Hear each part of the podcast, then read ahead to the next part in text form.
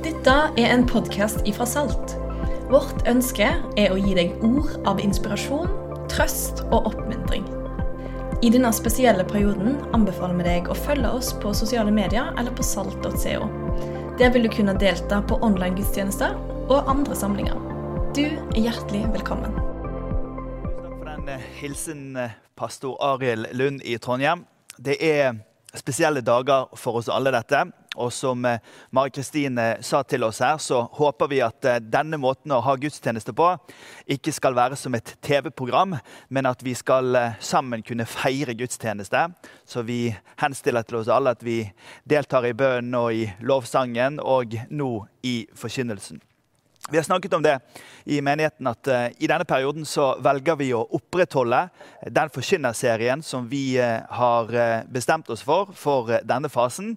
Den heter 40 dager, og den handler om fastetiden og den tiden som peker fram til påske. For Det vi lærer i de tekstene som vi leser i fastetiden, det er at Jesus han seirer over det onde. Når han står i kampen mellom det onde og det gode, så ser vi at det er han som seirer. Vi ser at eh, Jesus han seirer i møte med fristelse ved å anvende Guds ord. Vi ser at eh, Jesus han blir stående som den som eh, er den sterke i alle disse livets stormer og utfordringer. Og Når vi kommer tilbake til disse tekstene igjen og igjen, så ser vi at det Jesus gjennomlevde i sitt liv, det har han gjort fordi han ønsker å vise oss at også i våre liv så er han vår seier.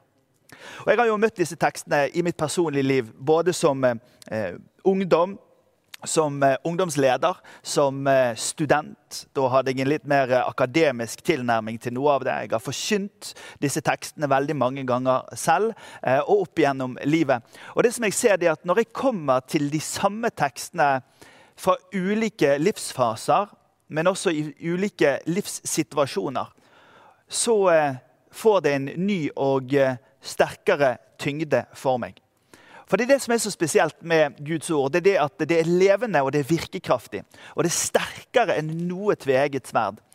Og Det høres kanskje litt spesielt ut, noen av de ordene der, men meningen er dette at Guds ord det treffer oss med relevans der hvor eh, livet vårt er på det tidspunktet det er. Og Guds ord det er her for å gi oss oppmuntring og trøst. Så jeg har lyst til å si til deg denne dagen, du som opplever at du ennå før denne krisen som har nådd hele vår verden, opplevde at du var i en situasjon av mørke eller uh, usikkerhet i livet ditt, så vil jeg minne deg på at Jesus han er din seierherre.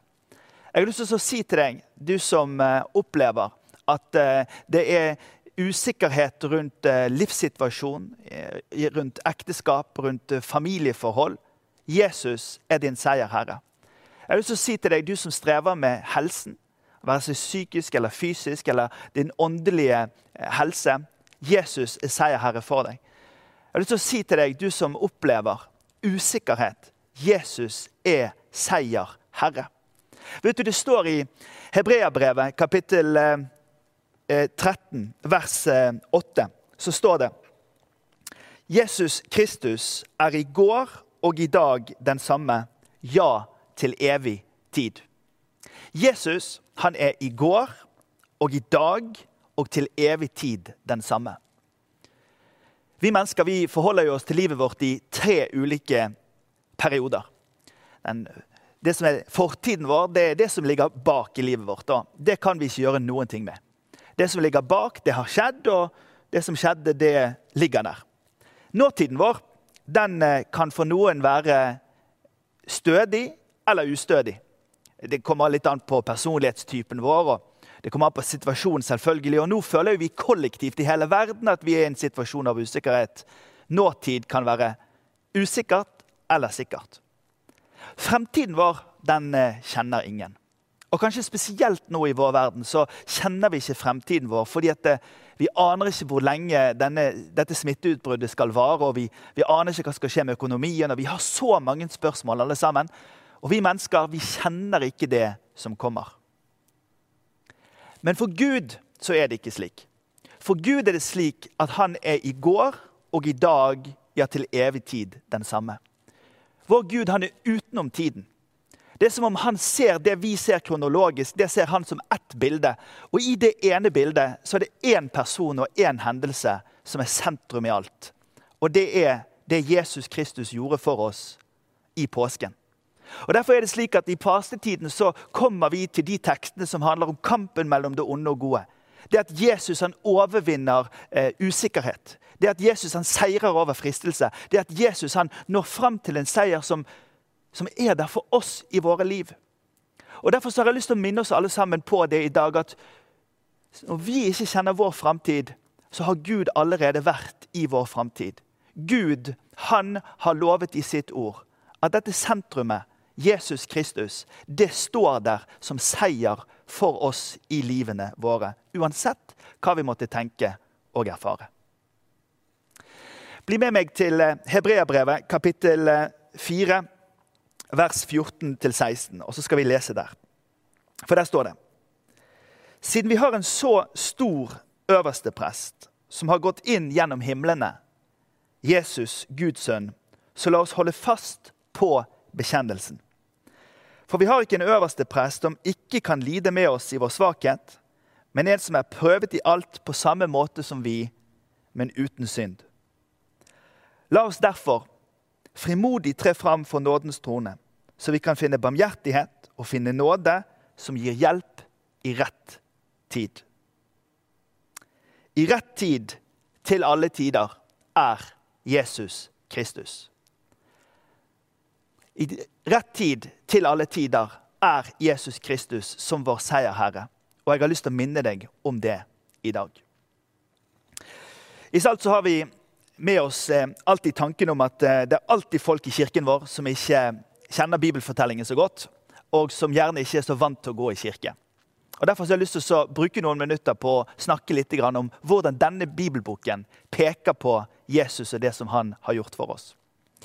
Gjennom Det gamle testamentet så er det eh, en fantastisk persongalleri av mennesker. Og Det gamle testamentet er på mange måter Guds fortelling om sitt forhold til oss. Og gjennom forholdet sitt til oss så forteller han enormt mye om hvem han selv er. I Det gamle testamentet så møter vi vanlige folk, familiefolk. Vi møter tjenere, vi møter slaver. Vi møter eh, rikfolk, vi møter konger, vi møter prester, vi møter profeter. Og gjennom alle disse fortellingene, som kommer i alle mulige slags ulike sjangere Det er poesi, og det er prosa, det er historie, det er lovbøker, det er sanger Det er alle mulige slags sjangere i Bibelen. Og i alle disse fortellingene så gjør Gud det klart at han elsker oss mennesker. Og inne i disse sidene her i Det gamle testamentet dere, så er det mange sånne frampek som peker på denne sentrale personen i vår tro, Jesus Kristus. Jeg hadde jo hatt litt ekstra tid hjemme denne uken, så jeg gikk gjennom en del bøker som jeg ikke ofte blar i. Eh, jeg har jo mange ulike typer bibler, men jeg fant denne studiebibelen her, som heter eh, 'Kristus gjennom hele Skriften'. Det er jo slik at Bibelens hovedinnhold den endrer man ikke når man lager en studiebibel.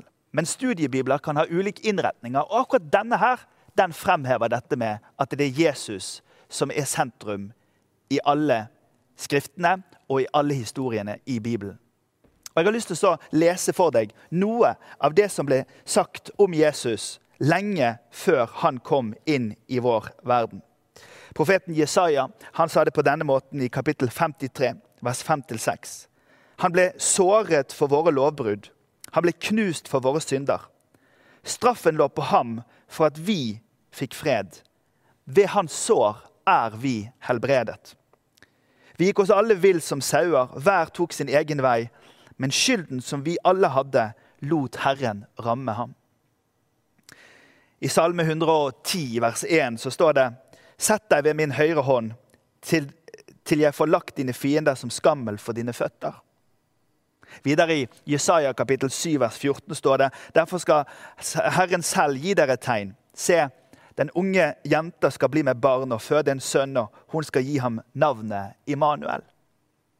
Husker sikkert mange fra julefortellingen at Maria, den unge jenten, skulle føde en sønn. Et annet sted i Jesaja kapittel 53 vers 1-3 står det Hvem trodde budskapet som vi fikk? Hvem ble Herrens arm åpenbart for? Han skjøt opp som en spire for hans ansikt, som et rotskudd av tørr jord. Han hadde ingen herlig skikkelse som vi kunne se, ikke et utseende vi kunne glede oss over. Han var foraktet, forlatt av mennesker, en mann av smerte, kjent med sykdom, og de skjuler ansiktet, en som man skjuler ansiktet for. Han var foraktet, vi regnet ham ikke for noe. Og videre, i Salme 118, vers 22, steinen som bygningsmennene vraket, er blitt en hjørnestein. Og jeg kunne ha fortsatt å lese mange sånne hint, frampek og historier fra Bibelen. For det er nemlig slik at i historien så er det én som er forløseren.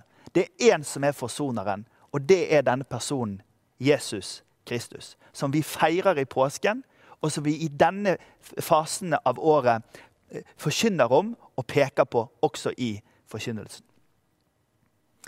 Det som er interessant, er at uh, fra det siste setningen er skrevet i den gamle delen av Bibelen, inntil Jesus dukket opp, så er det 400 år med stillhet. Og Da var det dragkamper blant de religiøse i, blant jødene. Eh, man ventet at Messias skulle komme, og det dukket opp ulike skikkelser som hevdet å være Messias. Men så kom Jesus. Og Også når Jesus var her, så var det kamp om er han den vi venter på, eller er det en annen vi skal vente på. Og De religiøse lederne, når du leser i Matteus, og Markus, og Lukas og Johannes, med fortellingene om, om Jesu liv her, så, så er det denne dragkampen som pågår. Og I Johannes evangelium så kommer vi til et sted hvor eh, vi ser at veldig mange av de jødene de kom til tro på han. De religiøse lederne ble usikre, for de følte at eh, hvis stadig flere kommer til tro på denne Jesus, ja, så mister vi vår makt, og da mister vi kanskje landet vårt. Og, og så skjedde dette. At eh, det var en mann som eh, fikk et øyeblikk av klarsyn. Det står i Johannes 11, vers 49 at en av dem, Kaifas, som var øverste prest det året, han sa da dere skjønner ingenting. Dere tenker ikke på at det er bedre for dere at ett menneske dør for folket, enn at hele folket går til grunne. Dette sa han ikke av seg selv, men fordi han var øverste prest det året. Så talte han profetisk om at Jesus skulle dø for folket. Og Det er veldig interessant at Gud har altså en religiøs leder på bakken her. Og så gir Gud et glimt av sannhet til han, så han profeterer, han snakker, han peker på at Jesus skal dø og stå opp igjen. Og Det er i sammenheng med alt vi vet fra den eldre delen av Bibelen vår. Det peker på at Jesus skal komme. Og i Jesus samtid så pekte folk på at det er han det er. Og vet du, Nå har vi hatt 2000 år med kirkehistorie, og så er vi her i dag, i 2020, og så erfarer vi et drama som vi ikke i vår tid har sett maken til verden over. Og så kan vi være trygge på at Gud fortsatt peker på Jesus for oss. Han peker inn i den forvirringen som vi befinner oss i.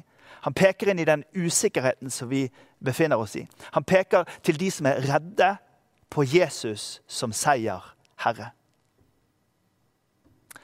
Erna Solberg, vår statsminister, som gjør en fabelaktig jobb disse dagene, hun eh, ble spurt på en kristen konferanse for noen år tilbake hva vil du at vi skal be for når vi ber for deg. Og Da sa Erna jeg ber om at dere skal eh, be om visdom når jeg skal gjøre hastige beslutninger. Og Det har vi snakket om eh, mye hjemme disse dagene. Vi må be for Erna, vår statsminister, for hun må gjøre hastige beslutninger. Det var dette Paulus sa i 1. Timotius brev, kapittel 2. Så sa han, jeg formaner dere fremfor alt at dere bærer fram bønn og påkallelse, forbønn og takk for alle mennesker. Be for konger og alle i ledende stillinger, så de kan leve et stille og fredelig liv i Guds frykt og med verdighet i alt.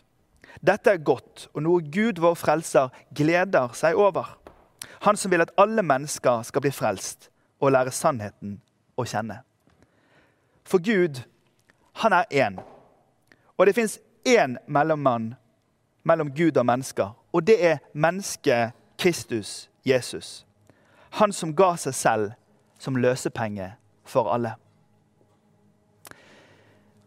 I forkynnelsen i dag så vektlegger vi at den gamle delen av denne boken peker på Jesus.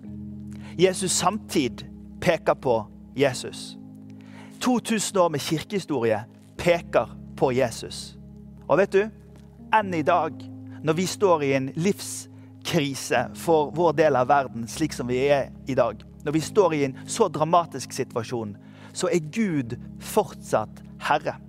Han er fortsatt den som ser til oss og hører våre bønner. Og så gir han sånne glimt av klarhet og tydelighet og veiledning og klokskap og visdom, så at vi kan få leve våre liv i trygghet i vår del av verden. Skal vi be nå i sammen?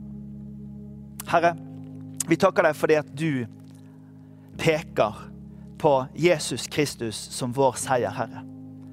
Takk, Herre, at han vinner over ondskap. Takk at han vinner over uro. Takk at han vinner over vantro, og han vinner over usikkerhet. Takk at han vinner over sykdom, og takk at han seirer for oss. Og nå ber vi, Herre, for alle som eh, vi, vi eh, har kjær, Herre. Alle mennesker som eh, vi er i berøring med gjennom menigheten og i nabolag og på arbeidsplasser og i samfunnet vårt. Vi ber om din fred og din omsorg. Og så ber vi spesielt for statsminister Erna Solberg og for myndighetene, som i disse dager trenger visdom til å gjøre valg som er gode for landet vårt. Vi ber for statsledere og helsepersonell verden over. Herre, vi ber om at du skal veilede dem og hjelpe dem i denne situasjonen. Og så ber vi deg, allmektige Gud, om å fortsette å peke på Jesus som seierherren for alle mennesker. Han som kan frelse og utfri ethvert menneske. I Jesu Kristi navn. Amen. Takk for at du hørte på. Velkommen tilbake til neste podkast og til alt som skjer online framover.